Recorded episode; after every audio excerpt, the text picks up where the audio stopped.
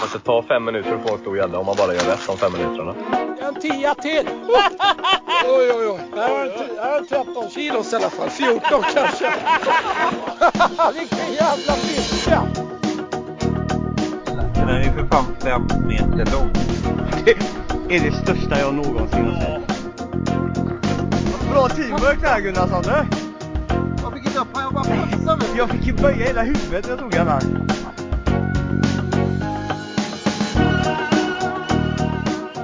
Du lyssnar på Gäddpodden med Oskar Trovald och John Safaradel.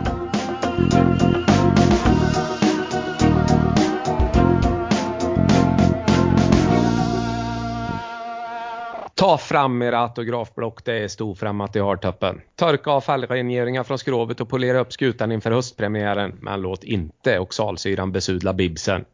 För nu har ni väl längtat efter att fiska gädda sedan i maj.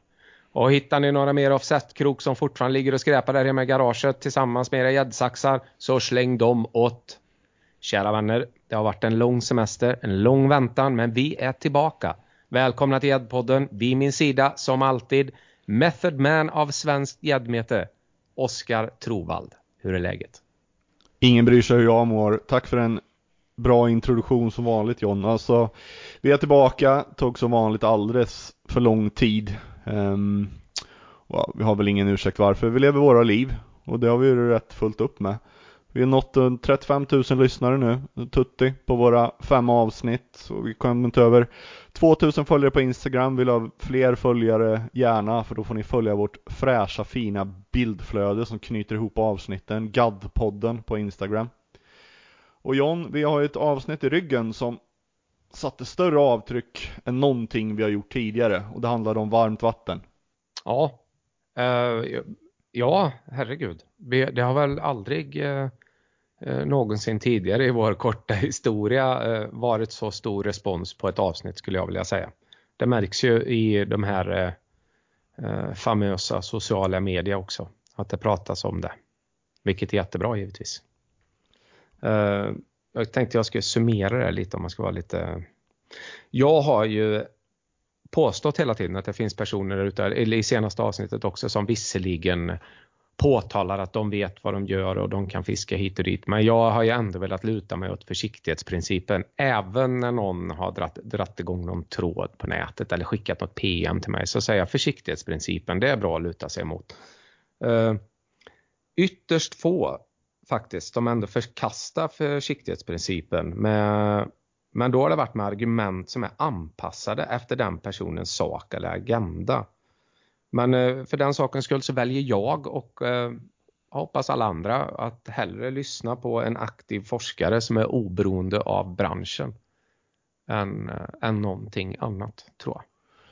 Och det har blivit fart i diskussioner i sommar. Vi har sett många trådar som kanske det vet vi inte om de hade gått obemärkta förbi tidigare, men folk har tagit bladet från munnen och för en konstruktiv debatt kring val av utrustning vid fiske i varmt vatten och val att fiska alls i väldigt varmt vatten och valet att arrangera kanske tävlingar på liten yta med alldeles för varmt vatten. Så vi tar åt oss delvis, men framförallt så är vi tacksamma för alla som faktiskt tog upp den här handsken som vi kastade ut för att den är viktig. Det tror inte att vi som sportfiskare tär på vår resurs mer någon gång egentligen än när vi fiskar i stora, stora skaror i varmt vatten under sommaren. I övrigt så har ju den här diskussionen också fött eh, det faktum att vi har Claes Svartzonke Claesson med som gäst i detta avsnitt. Det har ni säkert sett på vår promo för detta avsnitt. Och han kommer följa upp sommarens heta potatis. Så där har vi verkligen något att se fram emot. Ehm, jag Ja, vad i övrigt då? Vi kan vi säga, vi har många sådana här småpunkter där för att knyta ihop det vi gjorde senast. Men jag, jag skulle rikta en ursäkt till Norrland. Jag har fått flera stycken som har hört av sig till mig som tycker att jag klumpar ihop Norrland alldeles för mycket och säger att åk dit och fiska när det är varmt. Åk dit till Norrland och att Norrland är, det är ju jättestort och jag tyckte nog ändå inte att jag uppmanade alla att åka till Norrland och fiska. Hitta kallt, svalt vatten, det är väl det det handlar om. Um, i övrigt så är en punkt som alltid kommer upp här som jag får många semisura boråsare som skriver in det. Det är Nej men vad kolbränning. fan är det Kolbränningen kolbränningen? avsnittet, ja det är utlovat. Vi har varit en researcher på plats i Borås, Janne Kantola Ping. Han ska nöta mikrofilm har han sagt i veckan som kommer, så vi har stora förhoppningar på arkivfynd därifrån för att kunna faktiskt plocka fram och belägga en historia om ett vatten som kanske var ett av Sveriges absolut bästa under några år. Ja, och, till, och en annan, det är jättekul nu när David Lundqvist är med för att han ifrågasatte ju att jag mm, sa i något avsnitt att en stor gädda hade tappat vikt eh, på ett x antal timmar eh, innan vägning. Jag hade faktiskt en kille som heter Daniel Sivertsson som hörde av sig om en- en eh, eh, gädda som var vägd eh, vid en dag och dagen efter så hade den tappat ett kilo i vikt. En, en stor gädda. Så att det var ju faktiskt, vi upp, jag efterfrågade sådana exempel ska vi säga förvisso var betydligt varmare eh, i hans exempel än det var det kanske var i mitt. Det var väl ett mars, sent mars-exempel. Eh, Tobias Berg, en lyssnare, skickade också in en bild på en kasserad klicker. Det blev vi väl glada av. Den- Ja, det blev vi jävligt glada över. Du vet att du droppar, eh, utöver Klas där, så droppar du ju en gäst till i inledningen här. Som vi inte hade nämnt tror jag. David. ja, precis. Ska vi höra Sveriges Russell Crowes ljuva stämma här? Eh, Kan du säga ditt namn så vi vet att du är här? David Lundqvist. Där det lät inte illa pojkar. Vilken grej, en av Europas mest ärrade och meriterade gäddfiskare är med oss hemma i Johns vardagsstudio. Fasen var kul. I övrigt också, eh, Veckans Bete kommer tillbaka detta avsnitt, men min utlovade Deadbait del 2 kommer i vår höstspecial nästa avsnitt. Superkul med alla frågor som har skickats till podden och jag har inte kunnat besvara alla, men de kommer vi försöka knyta ihop och be, besvara i nästa avsnitt. Sen vill jag passa på att tipsa också självgott nog om mig själv och nästa nummer av Svensk Fiske. Eh, nummer fyra. Jag skriver en artikel som heter Farväl Blekinge om det sista riktigt episka svenska gäddfisket i bräckt vatten. Bör dimpa ner i alla medlemmars brevlåda denna vecka. Sen en, en, en avslutande fråga från en, en, en, lyssnare John. Som jag överraskade dig med lite, men han, Mm. han, han, han menar ju att, och det gör vi ju såklart, att vi hela tiden pratar om vad en stor gädda är. Och då undrar han, som kanske inte fiskat så länge, vad är en stor gädda? Är det en 10 kilos eller är det en metersfisk eller vad är en stor gädda John? Ja, det har definitivt inte med längden att göra. Det kan vi börja med i alla fall.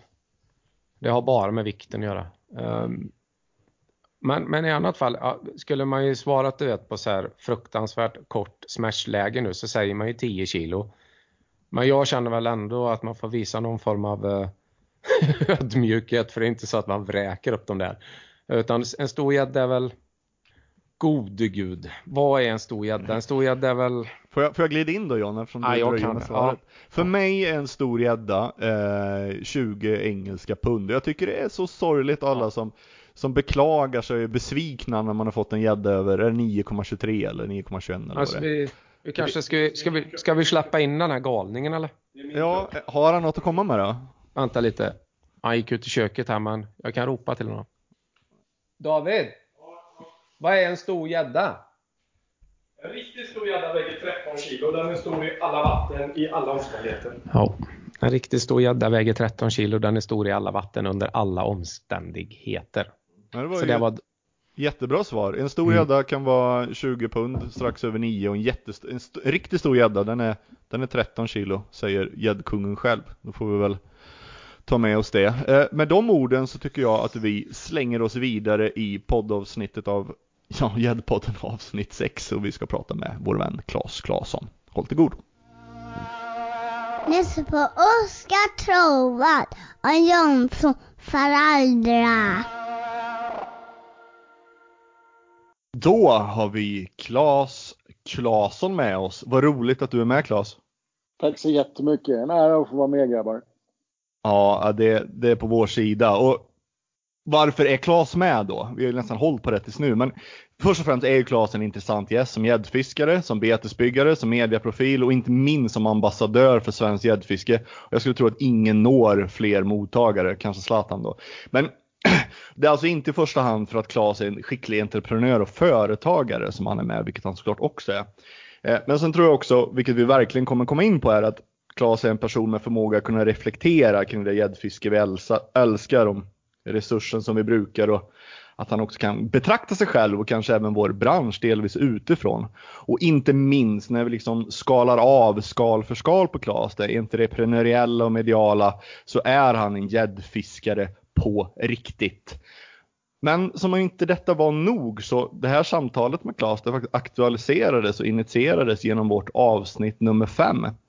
Och sommarens kanske enda gäddfiskedebatt eller sportfiskedebatt i Sverige, kanske årets enda. Om gäddfiske i varmt vatten där vi hade med Sveriges främste och mest oberoende expert på ämnet, Petter Deblin.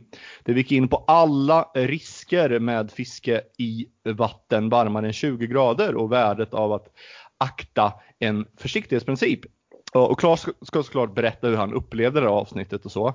Men vi kan redan här notera att Claes är faktiskt i någon mån kände sig lite träffad någonstans och hörde av sig till oss.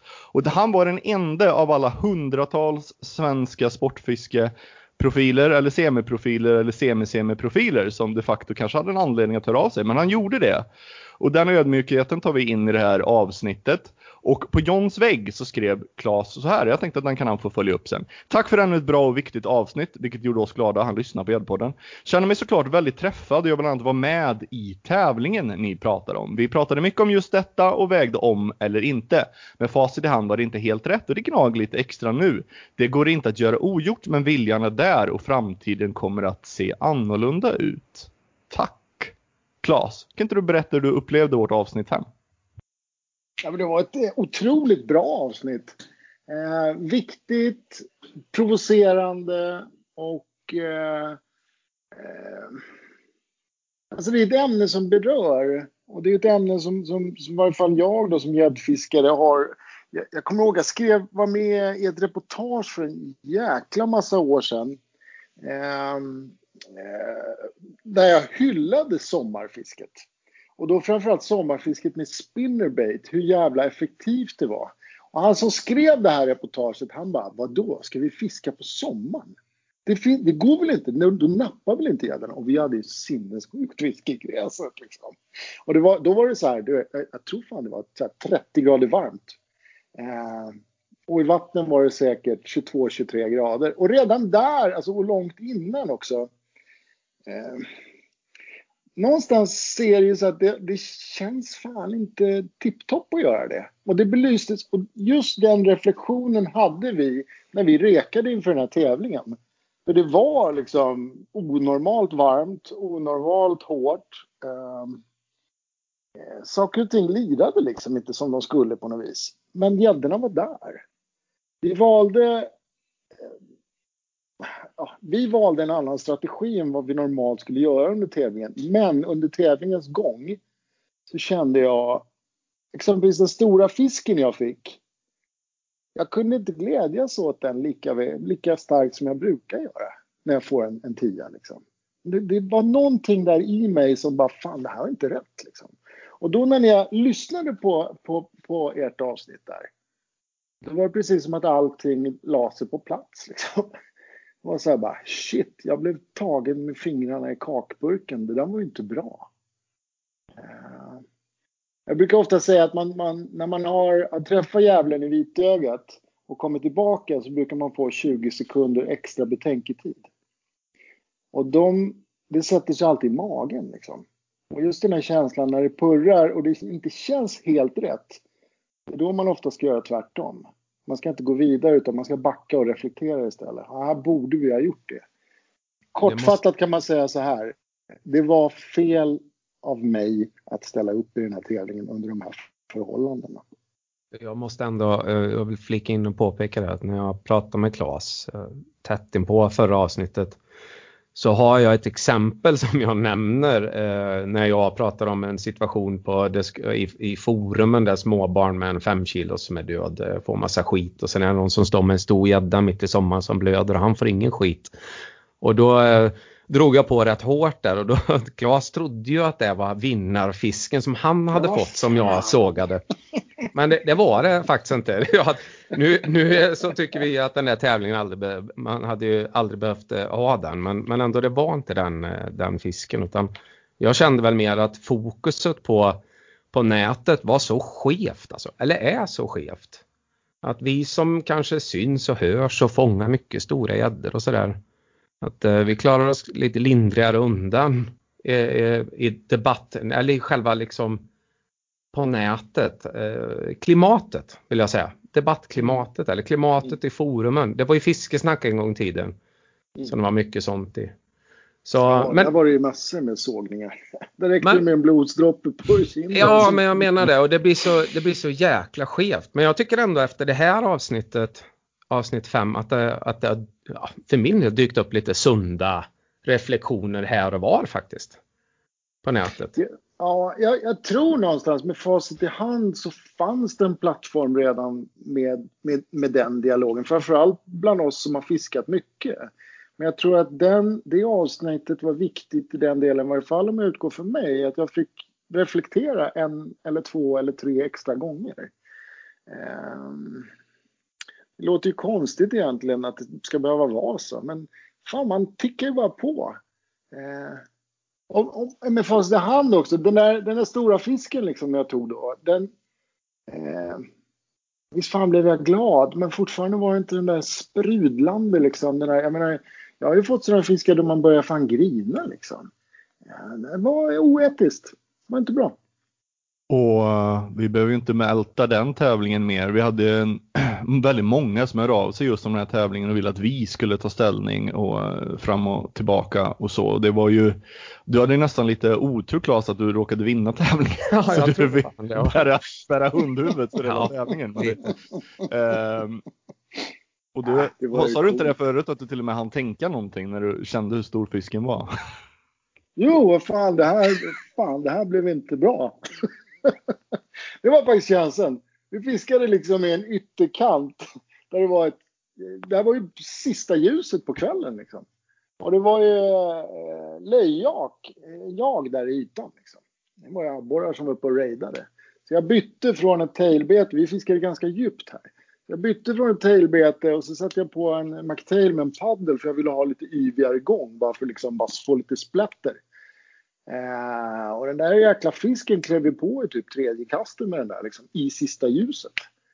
Eh, och då när den kliver på så känner jag liksom bara Fan, det är ju en bra fisk. För det var, ja, vi hade ju fått bra med fisk. Liksom. Det nappade på bra för oss. Men just den... Nej, jag kommer aldrig glömma det hugget faktiskt.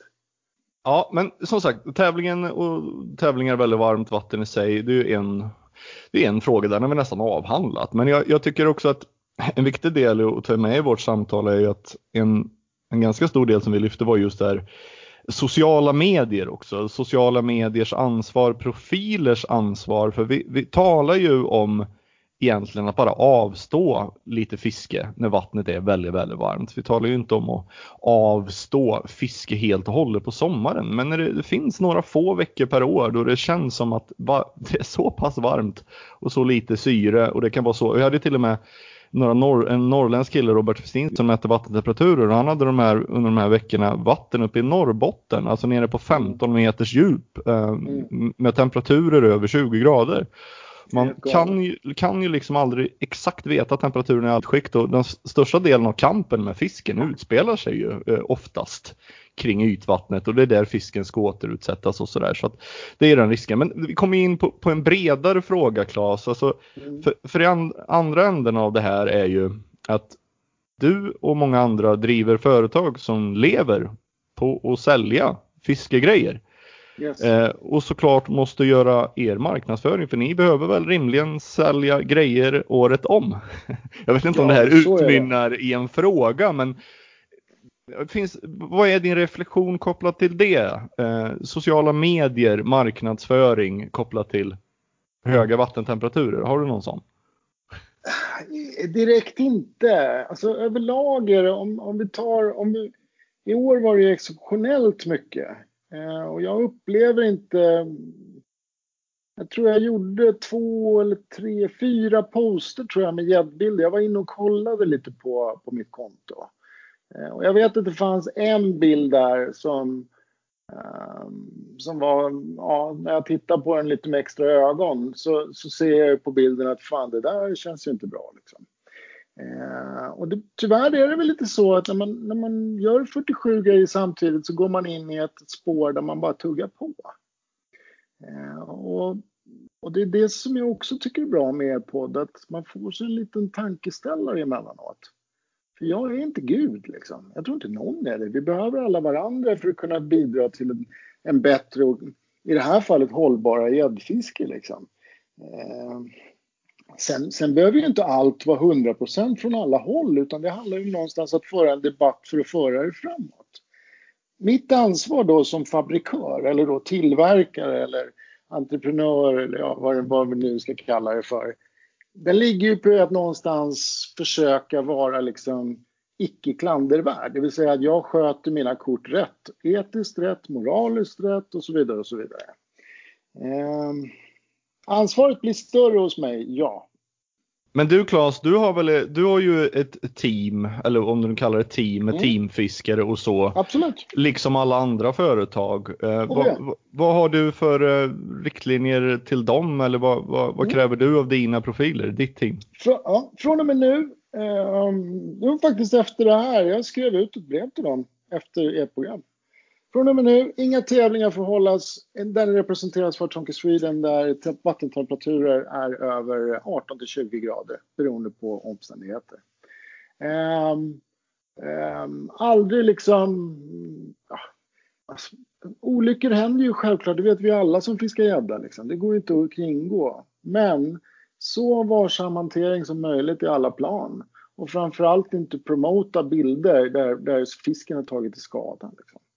Och det är ju självklart för att gynna liksom och öppna ögonen för andra. Att jag menar, ju mindre vi slipper se eh, enormt skadad fisk med elbågar brutna och rinnande blod och så vidare. Så någonstans så lär ju det oss att hantera saker och ting kanske lite varsammare i det långa loppet. Jag tror det i varje fall.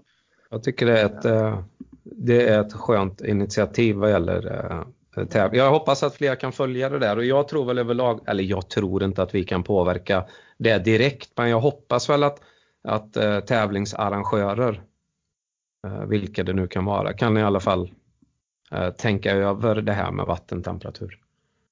Jag tror att det kommer att ske. Jag, kommer, jag, kan ta ett litet exempel med hur, hur påverkan är när exempelvis jag gör inlägg på, på Instagram. För några, för några år sedan så fick jag en, en jättefin gädda som är fortfarande mitt personbästa på eh, 13 och 2.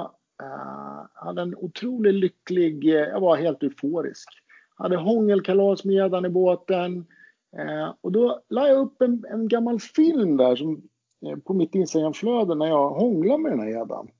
Och den ligger på min buk, direkt på mina kläder. Um, de reflektionerna jag fick i Isa, där fick jag faktiskt några PM där folk ifrågasatte hur jag kan göra som en fisk som är så framstående, liksom, ja, jag har så stor följarskara och hej och hå.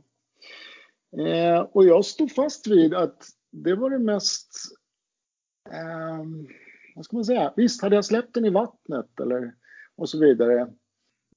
Fisken fick min skada, för den här fisken, när jag lyfte upp den så hade den ett frispel. Hade jag inte tagit den här fisken, då hade jag nog slitit sönder hela käkpartiet på den. Eh, och den hade nog eh, fått betydligt mera skada. Så att i, det, i den stunden när jag hånglar med den här, jag är helt dyngsur också, det ska framgå också. Så att jag fick agera eh, matta helt enkelt till den här fisken. Eh, och jag, jag, tror att det är också en sån här ganska viktig grej att framgå att belysa liksom att ibland gör vi rätt och ibland gör vi fel. Men, men samtidigt så är det så att ingen, ingen är Gud i, i hela den här situationen utan vi tillsammans kan påvisa saker och ting. Men att alltid utgå från att någon gör fel och svartmåla en, det är en dålig karaktärseffekt. Jag tycker den där reaktionen tyder lite också på eh, i frontningens tidevarv. Ser man i England där det liksom sitter eh, män i, i jackor med ganska glatt material och har eh, blöta fiskar och säkert till och med kanske blött kläderna och famnar de här fiskarna eh, utan att mm. de har någon möjlighet att spratta loss. Det är ju en bra hantering. Men vi, vi i det frontningsvarvet um, vi är inne i uh, har ju tappat tappat kanske till och med de perspektiven. Och jag tyckte du la upp en bild på Instagram för några dagar sedan där du på en jättefin gädda på 10,8. Ljuvlig. Som inte ser så jävla grand ut just för att uh, du skrev något också. Att, så, ja, fan. Nej, men nästan. Så här, så, så här såg en 10,8 ut på den tiden. och, och, och, och, det är ju en fråga som du kanske hört som vi liksom går an på rätt hårt i podden här. Ja. Att vi tycker de här frontningen är så jävla tråkigt. Och det är ju, det är ju inte, det är inte på samma nivå som att, liksom, att vi tär på resursen och fiskar i badkarsvarmt vatten. Men det är en sak som, mm. som jag och John i alla fall upplever som, ja men det blir så, det är tråkigt. Ja, men det är ju ett, så här, ett, det är ju inte ett fundament till varför vi startar podden men det är ju definitivt en detalj som vi ältar fram och tillbaka. Vad är det ja. som händer liksom? Inte minst för att det har liksom det har fött en ådra av fuskare eller personer som inte fuskar men som gillar det här grårummet av att fronta och hoppas att folk ska tro att den är 12,5.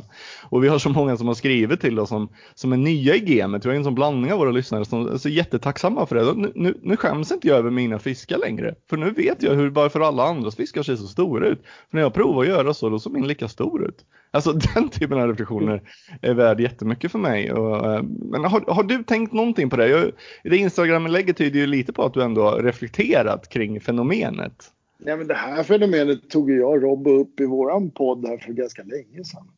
Eh, så att det är ett vederkänt liksom. Eh, det går... Det jag vet inte om vi ska ta den dialogen riktigt, men eh, nej, vi stannar där. Men jag, jag, tänker återkoppla till något vi pratade om där, hur man håller fisk och eh, du sa att du, du låg ner, du agerar avkrokningsmatta där.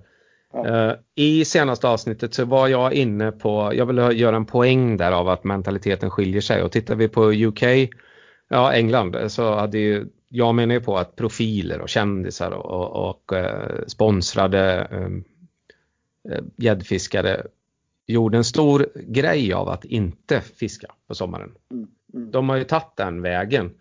Mm. Och igår senast i Instaflöde eller Facebook, det vet jag inte, men jag har ju träffat den här killen. Det finns en eh, John Horsey som guidar på Chew, eh. Oscars våta drömvatten i England. Han bad om ursäkt i sitt flöde för att han stod upp med en gädda. Oj. Det tyckte ja. jag. Då, det, är bra, det är bra nivå. Engelsmännen är gentleman, de vet precis. Så vi kanske ska ta det till en ny nivå här i Sverige. Sitt ner för fan. Nej. Nej, men jag Nej. förstår vad du menar. Ja, ja. Det, det, jag är helt med. Men alltså, det, man får ju ta det till ett absurdum också. Det, här, det finns det finns ett uttryck som egentligen är helt fel, men det är lite slående. Det är det här sunt förnuft. Liksom. Jag hävdar att det finns inget, man kan inte säga sunt förnuft, för det handlar om vilken sociala kontext man kommer ifrån och vilket sammanhang och så vidare. och så vidare.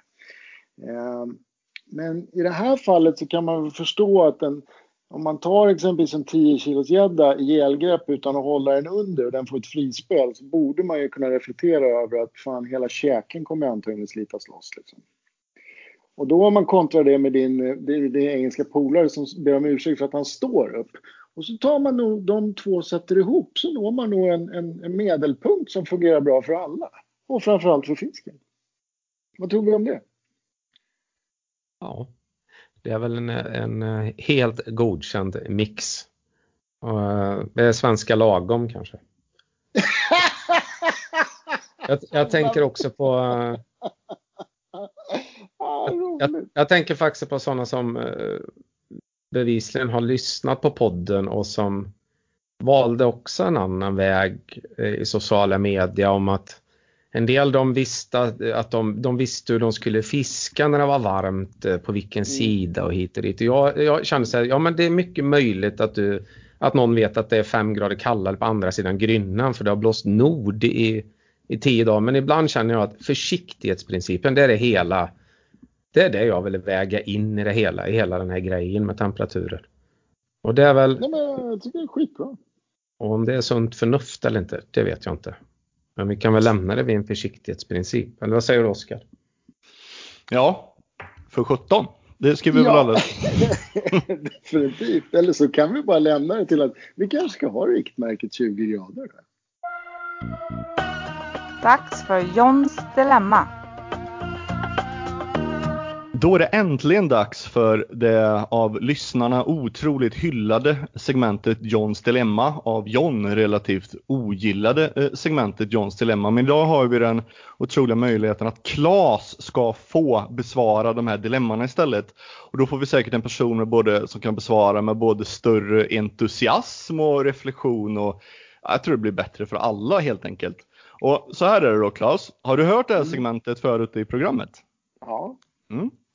Eh, idag får du 13 frågor och du får två alternativ då och då ska du svara ett av de här alternativen och det är det som kittlar dig bäst, som känns enklast att svara och som känns rätt inombords med den korta reflektionstid du får på dig. Och idag så tänkte jag, i och med att det är du och det är lite speciellt så här att efter varje fråga så får du 10 sekunder på dig att faktiskt motivera ditt svar eh, och samla dina tankar. Ja, så det, det, är lite, lite extra för dig. Men man kommer ihåg det då, 10 sekunder. Jag, jag nästan så att jag kan tänka mig att bara snoppa av dig om det blir för långt. Så det, det, det, det um, handlar om att det ska bli lite rappt och spontant. Eh, och sen får du ta frågorna för var de är. Det kanske börjar med lite lite knastriga frågor och kanske spårar ut lite på slutet. Och i och med att det också är du så får du chans att passa på en fråga. Och jag hoppas att du inte gör det, men max en fråga får du passa på. Okej? Okay? Go, go! Då börjar vi. Vårfiske eller höstfiske? Oj. Um... Vad fan vad svårt! fan, du är på pumpen direkt. Uh, nej, men jo, ja, men... Ah, fy fan vad svårt det var. Ah, men det, jag ser nog höstfiske faktiskt. 10 sekunders eh, förklaring. Nej, men då har man hunnit ladda ordentligt så har man fiskat av sig så då fiskar man med lite mer confidence. Ja, gäddfisketävling eller fiska helt alena? Helt alena. Bygga tailbeten eller bygga jerkbeten? Det, det är som dagsform. Ibland vill man ha falukorv, ibland fiskpinnar. Just nu? Um, just nu är jag inne i tail-meckat. Motivering? Ah, ah, det är jo, vi har gjort, vi har spelat in lite filmer där jag går tillbaka totalt back to basic och har tält lite med morakniv. Coolt! Det är för jävla kul. Fråga fyra. Trosa eller Furusund? Furusund. Motivering? Det är mina egentligen, jag kommer ju från Roslagen. Trosa är så här grumligt och grunt och tråkigt. Flanellskjorta eller luvtröja med dödskalle?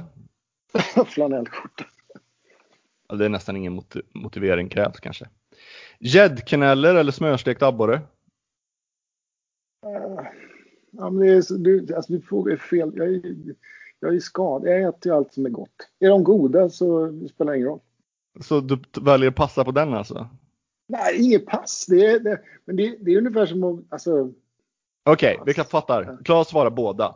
Vems, ja. fiske, vems fiskeartiklar? Safaradel ja, Får man säga båda? Får man det? Nej, det var bara en båda. Okej, okej. Okay, Vems fiskeprylar? Vems fiskeartiklar? Safaradels eller Trovalds? Ja, med, med det jag vet om så är det inte så mycket att snacka om. Ja, svara! Ja, men jag metar inte. Okej, okay, jag tolkar det som Safaradels. Yes. Fiskefeber yes. eller kniven mot strupen? Ja, den är svår alltså. Den är svår. Nej, men båda är jävligt roliga, men fiskefeber är mer laid back. Liksom. Fiskefeber. Kock eller Fast den är fan svårare. Jävligt mycket svårare. Jag kan säga så här, nu går jag in och tänker ta hur lång tid som helst. Jag fick skit för det. Bara, kunde du inte ha gjort lite mer actionfylld TV? Uh, Okej, okay, vi har två dagar på oss. Vi ska fånga fisken, lära en person fiska, bygga ett bete. Fisketid på hela den här serien kanske var fyra timmar per program. Jag tycker vi gjorde det rätt bra faktiskt. Uh, oh, vad skönt det var lättare där. Ja, men det gjorde du bra. Uff, Ko kock eller lärare? Den är också jättesvår. Alltså, som kock är man ju lärare. Men du var ju specialpedagog, var inte det? Jo, men jag var kocklärare också. Eh, nej, men jag säger kock. Kock. Kockjävel. Styrketräning eller ismete? Ja, då är ju styrketräning alla dagar i veckan. Eh, kungen abdikerar. Eh, du får ansvaret att tillsätta en ny svensk konung nästa vecka. Vem väljer du? Mm. Zlatan eller Snoken? Ja, det blir Zlatan. Du hamnar på en öde ö. Vem tar du med dig? Robbo eller Snoken? Oj. Den är svår. Uh, ah, jag skulle nog säga båda. Den, fan, det blir, det blir båda där. Det blir får, jag, jag får, nej, båda ska med. Båda, båda ska båda. med. Okej. Och sen kommer en helt öppen avslutande fråga. Vem är Sveriges främsta betesbyggare genom tiderna? Oj, den är för jävla svår. Um, där vi är idag är det utan tvekan Mangeboy. Mangeboy är den personen som har egentligen lett fanan sedan 2007-2008. Um, jag skulle säga utan tvekan, han är den mest kopierade betesbyggaren i Sverige. Um, han är, och så framförallt, han, han törs göra beten utan gelbågar och fenor. Det är mod i betesbyggarbranschen? Nej, men idag, vad jag menade med det är att idag är det, idag är det väldigt liksom... Någonstans är det så att vi står lite stilla och då behöver man någon som tar fanan eh, och gör less is more, liksom bara för att sticka ut lite. Framförallt Mange, han har ett stort hjärta, stor generös, enorm jävla kunskapsbas. Eh, jag personligen skulle nog inte vara där jag är idag utan honom. Tack Klas. Tack.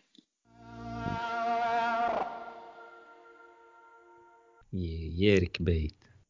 Då så alla hugade spinnfreaks, veckans bete är tillbaka och vi är tillbaka på spinnspåret och med Klas Klasson som gäst.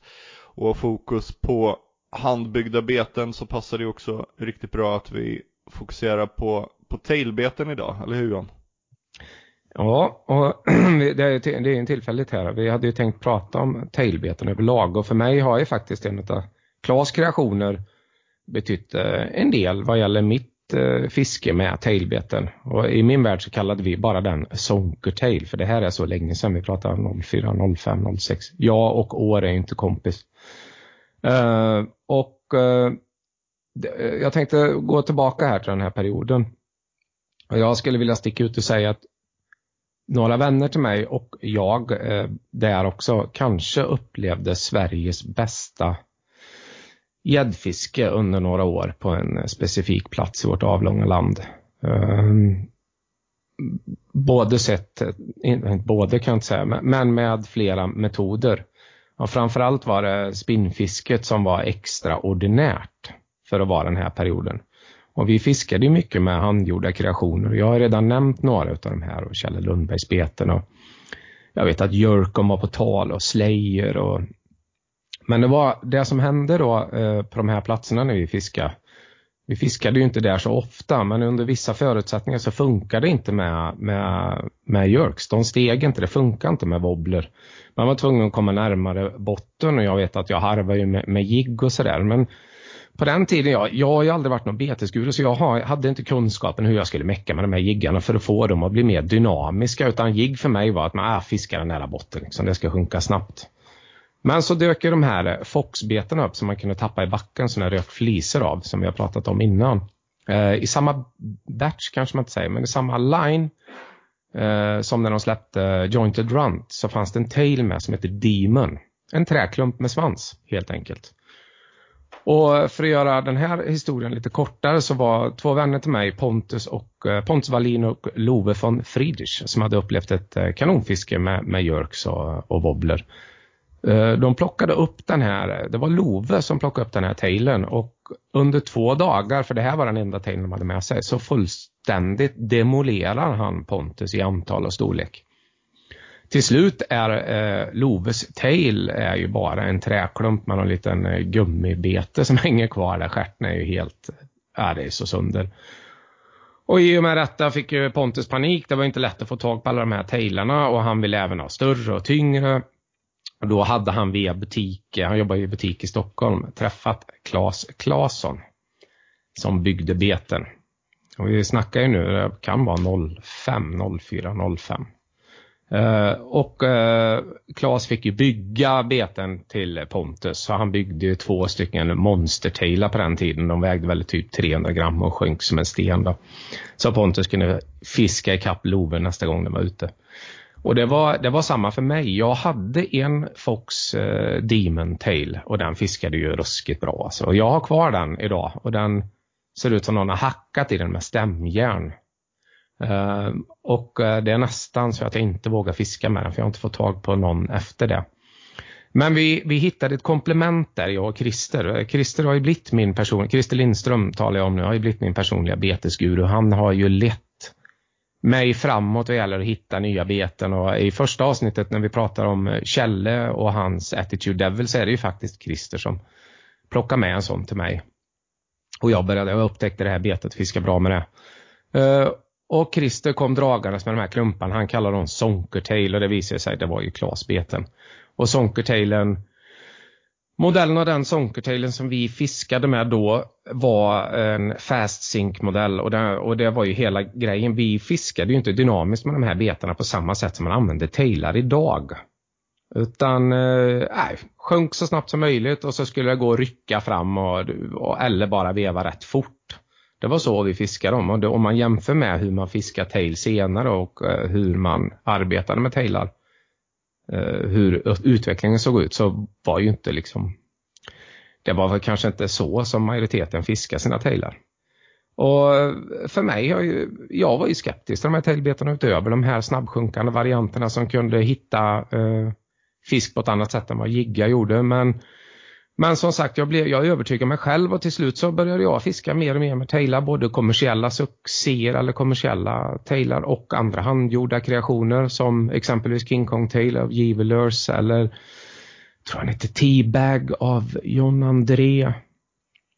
Ja, jag, jag, jag har använt dem och jag har använt dem för att fiska högt eh, ovanför växtbältena, veva ganska snabbt som jag gör med min King Kong. Eller fiska bakvatten och väldigt, väldigt långsamt som jag brukade göra med min teabag. Men utöver detta så givetvis många andra tailar. Eh, jag tror att det fanns en eh, Sam Tail heter den. Finns väl fortfarande. Eh, kanske inte går speciellt bra men visst fan fångar den fisk. Så tailarna har ju skapat sig ett litet utrymme i min betes, betesarsenal.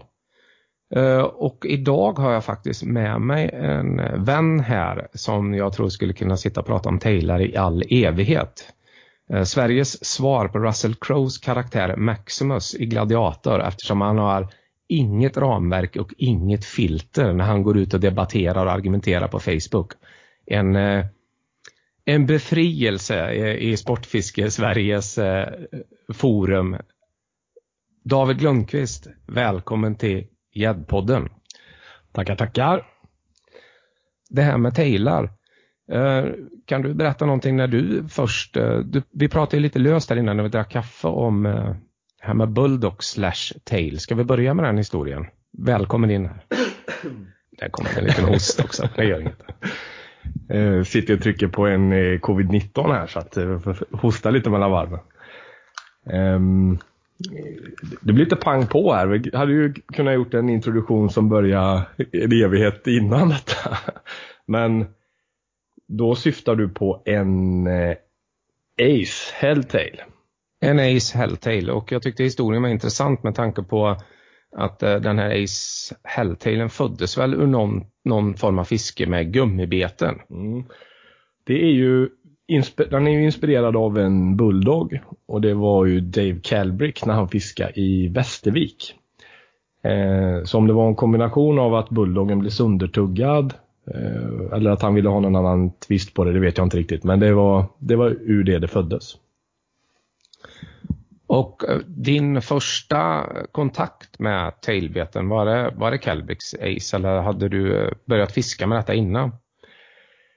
Jag var, det är ett av mina, ska jag säga, större gäddfiskemisstag. Jag var alldeles för, för sen på tailar. Jag tyckte att de var eh, extremt tråkiga att fiska med, inte mycket gång och, och det var en eh, eh,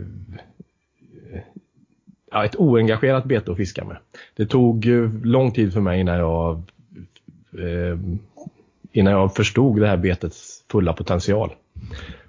Ja, men jag är nog lite beredd att hålla med där. Eh, och som sagt, jag har, jag tror, jag har inte samma betesintresse som dig heller.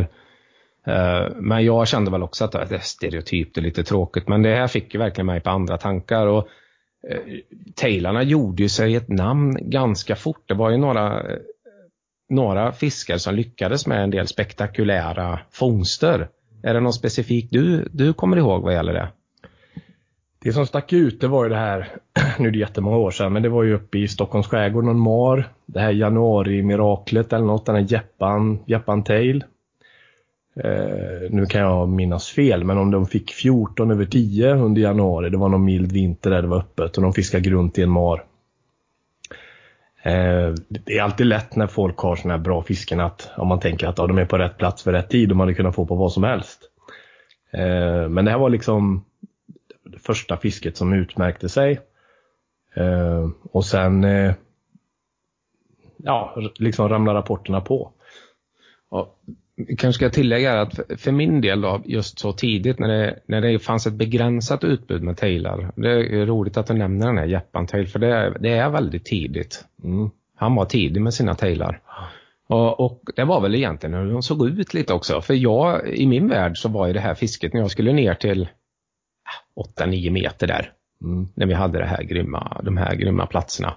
Eh, det, det, skulle ju, det är klart att jag pratar om en träklump med svans då. Mm. Nu visar det sig att vissa beten som sonker, tailen där, den snabbsjunkande. Och Demon, för vi, vi testade lite andra också sen då, åren efter. Men de stack ju ut, även om man inte kunde se varför egentligen då. För mm. övrigt, för, förutom kulören på dem som man kunde beställa då. Mm. Olika färger. Uh, de såg lite annorlunda ut. De här såg ju mer torpedliknande, sjönk snabbt, de var runda. Demonen är ju så specifikt så rund och, och sjunker snabbt. Men sen så, så om, man, om man tittar på den här Helltailen här eh, så är ju den eh, platt i undersidan och man ser ju att den kan ju ta sig ett mer dynamiskt uttryck när man fiskar den på grund av att den är platt. Och det var väl någonstans det jag började använda mer svävande varianter och kreationer. Det är klart att det är lättare kanske att få väl, en välbalanserad tail när den ser ut så med platt undersida istället för att den är helt cigarrformad. Eller, eller så överdriver man betydelsen av det helt. För om man tittar man på en på en film på en fisk underifrån som simmar så är ofta kroppsprofilen är bara helt rak som en pinne i vattnet. Och sen ser man ja, liksom ganska små stjärtrörelser som slingrar efter. Och utgår man ifrån det så är det ju väl ingen betestyp som imiterar en riktig simmande fisk så bra som en, som en tail gör det. En, det är ju om jag ska välja ett, en betestyp som man ska få en stor gädda på så är det ju tail som jag tycker är hetast på det. Och det bete som jag hatar som jag inte kan fiska med det är ju de här swimbaitsen som ja, rör sig ju liksom för fint, för bra. Helt, eh, jag har inte fått en vettig fisk på dem. Eh, här uppstår ju helt enkelt en, en form av eh, inte en, här sticker ju David ut, nu är han ju ute och svingar här, men då får man ju lyssna till vad du har att säga. Så du menar på att det har ju blivit ganska populärt ändå med, med gummibeten som går väldigt naturtroget. Och du tror inte alls på dem. Och jag ställer mig frågan, för jag är inte så, jag är inte så bekväm. Eh, jag har fiskat med en hel del, men jag är, ja, jag är lite så inne på din, din del. Men för att utveckla det där mer, de går för inom citationstecken bra då? Eller monotont? Eller om man jämför med en tail, för en tail är inte så jäkla eh, uttrycksfull i sin, eh, när du tar, tar hem den, förutom om du spinnfiskar och, och, och är väldigt aktiv då med spöet, eller hur tänker du där? Fast du använder ordet naturtroget. Om man drar ett stort swimbait som har fyra leder på sig. Vilken fisk simmar så naturligt? Det är ju inte naturtroget. Det ser överdrivet ut. Det fångar fiskaren som ska fiska med den. Men eh, det är ju ingen fisk som simmar så på det sättet. Nej, och där har du ju faktiskt en poäng. För om man, om man tittar ner i vattnet och man står på en brygga på hur fisken rör sig. Eh, så är det väldigt få som slingrar som en med ormliknande rörelser. Och där har ju tailen ett väldigt naturtroget uttryck. För den går, om, om det är en tail som inte vaggar allt för mycket så går ju den rakt fram. Och på vår tid så meckar man inte så mycket med paddlar på dem. Paddelskärt, får man säga så? Mm. så ja. Utan det var ju vanliga jiggsvansar som man kunde byta, lång eller kort. Jag vet att uh, den teabagen jag fiskar med, uh, det var jävligt lång svans på den. Mm. Så den fick en ganska stor eh, Eh, profil för att vara ett litet huvud eller man ska säga. Men den blir otroligt välbalanserad ändå. Och gick att veva sakta. Uh, man kan ju kort, säga lite kort där om det här med olika svansar. Om man, många vill ju ha ett bete med lugna rörelser i kallvatten. En gammal salt eller någonting som vickar fram. Och är det sommarfiske så kan man ofta vill man ha ett hårdvibrerande bete eller en spinnarsked som slår eller sådana saker. Och man kan ju... Vänta lite, Gäddpoddens lyssnare fiskar inte på sommaren längre. Nej okej, okay, ja. Eh, man, man, kan, man kan vilja ha beten med olika frekvens i olika sammanhang. Och det kan man ju åstadkomma med den här tailen då. Man kan ha en lång, ganska stor tail som slingrar mjukt och man kan ha en kort och bred tail som fladdrar hårdare. Och, och får man, växlar man in det här att man kan sätta paddlar på också, då får man ju nästa dimension som flyttar ännu mer vatten än vad en, eh, som en curly tail gör. Mm. Ja, det stämmer. Och om man ska gå ner på och diskutera, diskutera hur man, man fiskar den här så jag har ju redan pratat om att vi initialt när jag hittade tailen i mitt fiske så fiskade jag den djupt och ganska fort. Då. Till och med lite ryckigt och det var mycket sjunk och det högg på sjunk och det var de delarna. Det var bara att jag behövde komma närmare fisken än vad jag kunde göra med mina sjunkande jerkbaits. Uh, man fiskar dem i extremt kallt vatten väldigt långsamt som du pratade om där. Miraklet i, i Stockholms skärgård.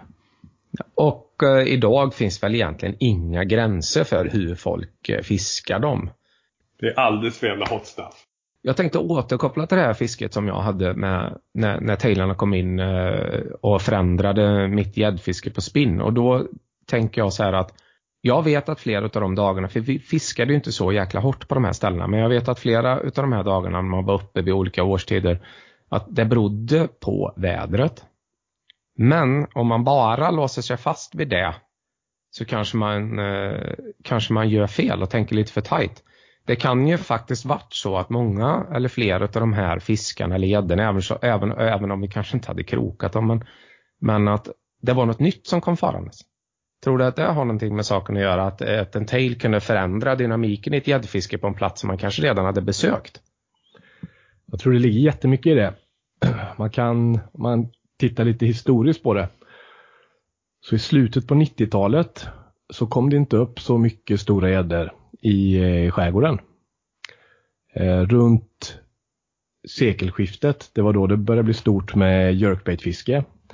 Och helt plötsligt så började folk fiska grundaren 2-3 meter. Där ja, det hade inte funnits några beten som man gjorde det fisket riktigt på. Och så var man så färgad av hur fisket hade gått till tidigare när det varit bra. Det var ganska mycket djupspinn på 3 6 meter. Och helt plötsligt så började man fiska efter gäddor som ingen hade fiskat efter innan. Så på några år då fångades det ja, 12-13 kilos gäddor in i vassarna och in i marar och, och det här fisket det höll i några år och blev Egentligen var det riktigt bra en säsong och så var det halvbra mm. två, tre säsonger kanske.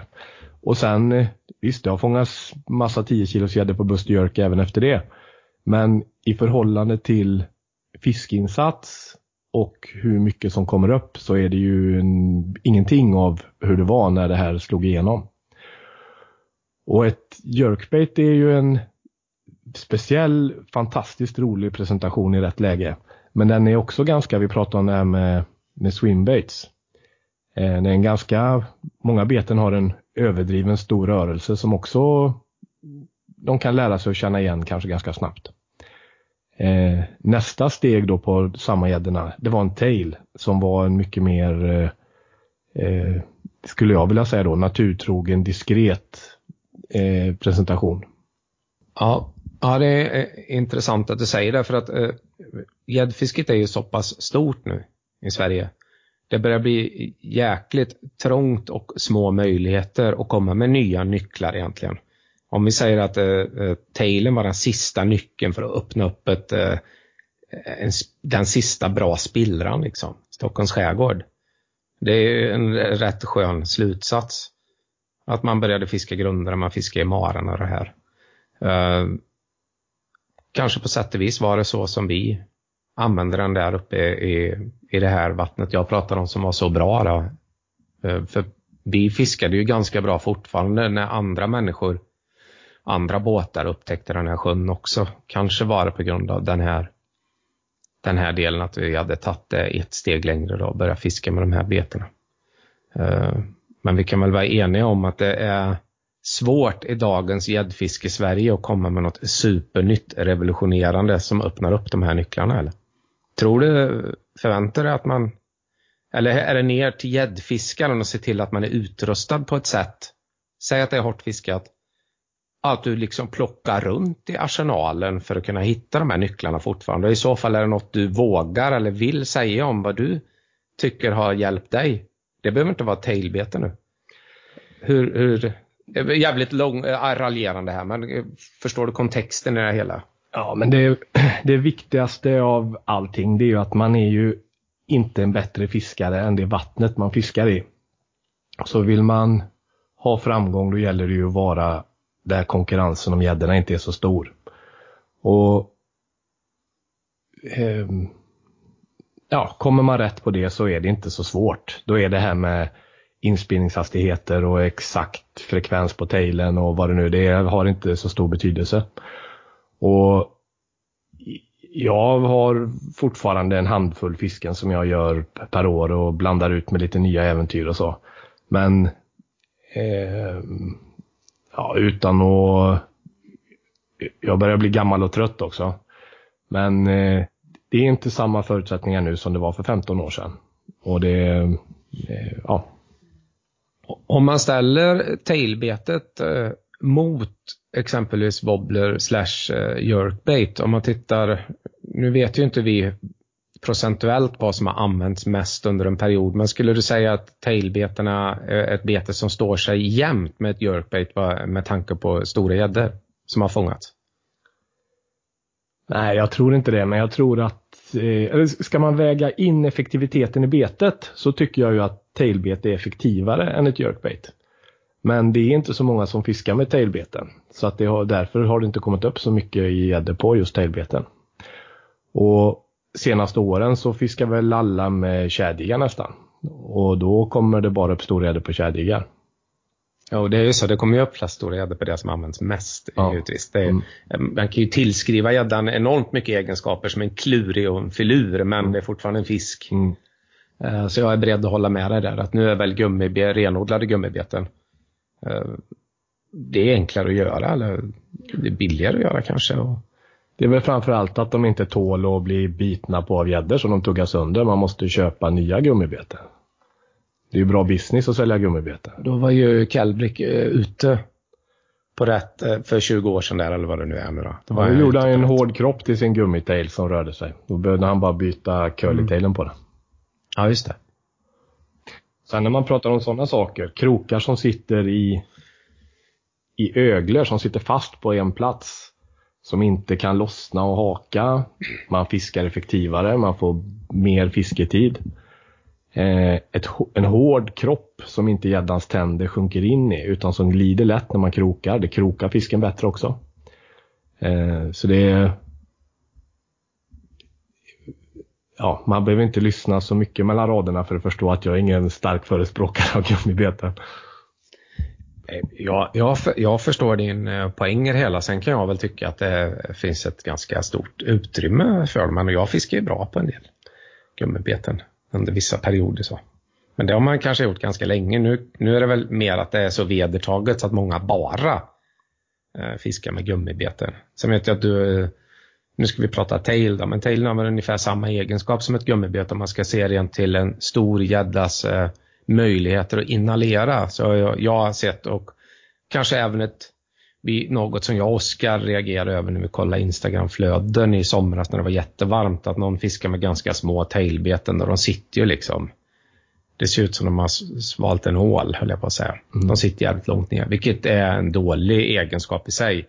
Och det får mig osökt att tänka på att jag är ju en förespråkare av stora beten. Jag är så old school så jag tycker stort bete, stor gädda, oftast.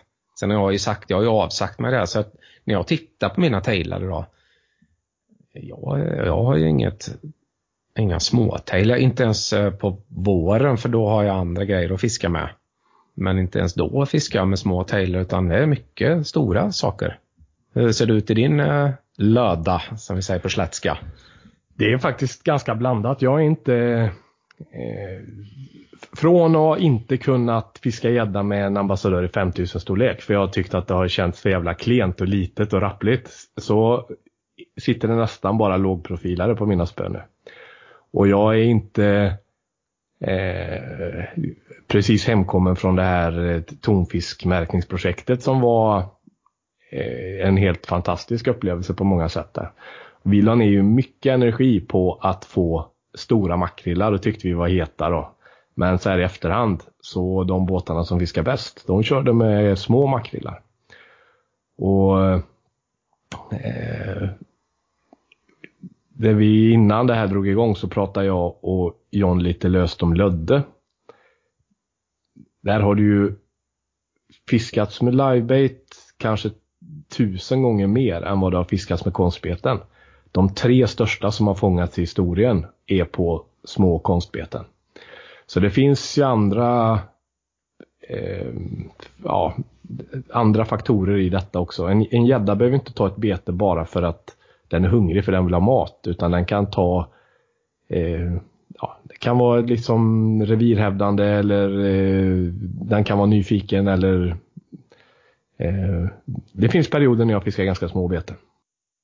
Jo, en, en, en sak som jag, och nu pratar vi tailbeten här, eh, i alla fall till 75 procent när Russell Crowe håller sig här. Men, men eh, en sak jag och Oskar ofta återvänder till det är det här dyra kontra billigt kanske. Eh, Betesbyggare gjort i trä kontra kommersiella succéer. Men om man skulle bryta ner det nu vad gäller tailar och sådär.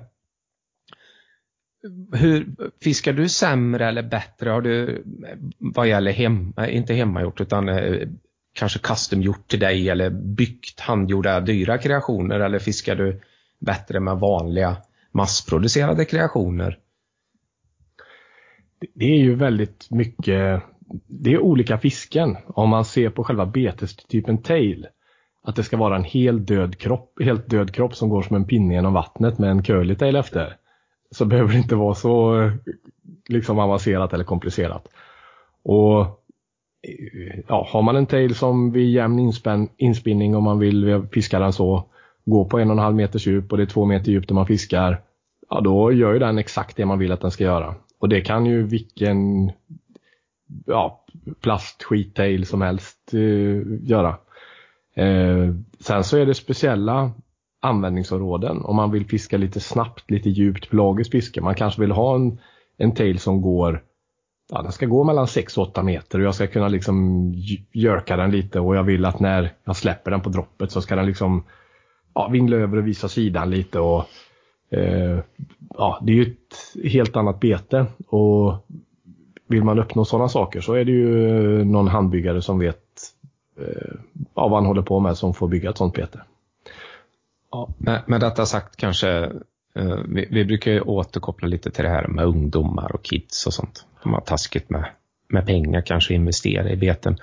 Det kanske är bättre för dem ibland att köpa ja, fem massproducerade varianter istället för att sitta och spara ihop till något eh, till något superdyrt handgjort. Eh. Ja, det är det ju. Och vill man... Ofta det där med buken som visar sig. Det är ju en ganska mycket psykologi för en själv. Man kan hänga ett 20 gram päronbly i tafsen också när man fiskar med tailen så, ja, så vinner man tre meter djupgående på den under fisket. Ja. Men, med detta sagt så, för jag måste ju hålla mig, stick to the story. Jag har ju haft eh, större framgångar med mina handgjorda kreationer. Men det, kan, det är också för att jag har sökt någonting specifikt för en specifik plats. Där de har, de har passats in på ett bra sätt. Sen handlar det kanske en del om att jag är inte så bra på att konvertera gång i tailbeten heller. Många är ju superduktiga på att hålla på med, med bly och olika paddlar och vet storleken på dem. Men så, så för mig finns det givetvis ett utrymme om man känner att man har råd att, att ha och nästan ja, hitta någonting som man gillar som kanske inte gör så mycket. Då kostar det lite mer. Mm. Så är det ju. Eller så är det som allting i hela världen och i livet att saker styrs av känslor. Hade du satt ett 30 gram kulbly ovanför tafsen, hängt på en fladentail, bara sett glad ut och kasta och veva in. Kanske hade fått lika bra. Ja, Herrens vägar är, är outgrundliga. Ja det, det, ja, det vet jag inte. Nej. Det har jag inte gjort. Men eh, sen är det ju någonting med när man vet att det kanske, jag har ju faktiskt, jag tillhör en så här lyckligt lottad skara. Nu är jag, jag fyller faktiskt 45 nu, så jag är en gammal jävel alltså. Och tiden går fort. Och det är ju en jäkla massa år sedan innan de här dök upp. Och eh, jag har ju tur då att lära känna flera utav betesbyggarna och jag kanske eh, låg tidigt ute och fick tag på en sonkertail eller någonting som JB har gjort eller Anders då, Ulforsen också. Jag har ju gamla Wolf Creek Tailar som är typ 40 cm långa. Uh, jag älskar ju dem. Mm. De ligger mig varmt om hjärtat. Det är nästan, jag älskar dem så mycket så att jag vågar knappt fiska med dem ibland. Jag levde ju ett år i Danmark och blev nära vän med Allan Christiansen, Jörksnäckaren. Eh, och vi har ju hållit kontakten sedan dess. Vi fiskar ihop någon gång per år.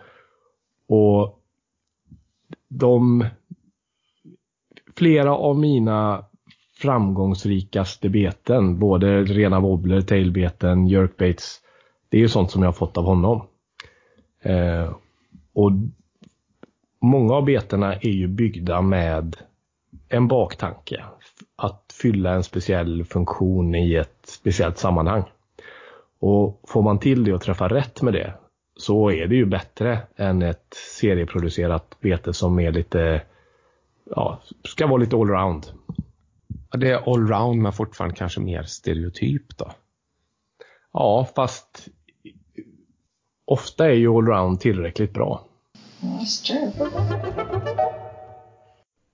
Då har vi nått oss avslut för avsnitt 6.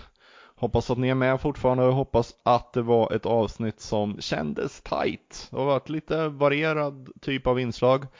Eh, och två tunga gäster. Och nu är det fasen i mig höst och nu är det fiske. Sommaren har vi lagt bakom oss. John, vad har du för målsättning i höst? Ska, ja, del, del, delmål 1. Skapa mig tiden och jag har faktiskt eh, skrapat ihop några fler dagar i år än vad jag hade förra året i planeringen. Och det känns bara, ja det känns så skönt, nu jävlar. Eh, delmål 2 är det som David sa där, att han var som en stor gädda från honom, 13 kilo. Det hade varit jävligt skönt. Eh, jag var nära i våras men nu eh, bara få klättra över. Och eh, i övrigt så när man ju drömmen att man ska slå sitt personbästa. Och det hoppas jag givetvis på men um, mm. Hur många dagar är det du har då i kalendern?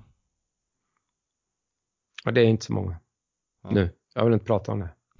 Jag jobbar på den biten. Ja, ja. Uh, jag har som sagt ny porten och ny landskapet och jag har nästan inga målsättningar alls än att få lite tid att testa. Jag kommer nog fiska lite mer från min lilla takbåt än vad jag gjort tidigare. Min, lite mindre från land och lite mer från båt. Och ja, vi får se om vi kan berätta något mer om det i nästa avsnitt. Det, det, är en nackdel med hardtoppar, de är svåra att ha på taket. Så det är lite synd, annars hade jag gärna sett en liten vit plasthardtopp på 3,4 meter kanske. Mm, jag ser lika smäcker ut i min lilla vita Sinium, ja. Nu rundar vi av där. Ha det gött, hej! Ja, hej.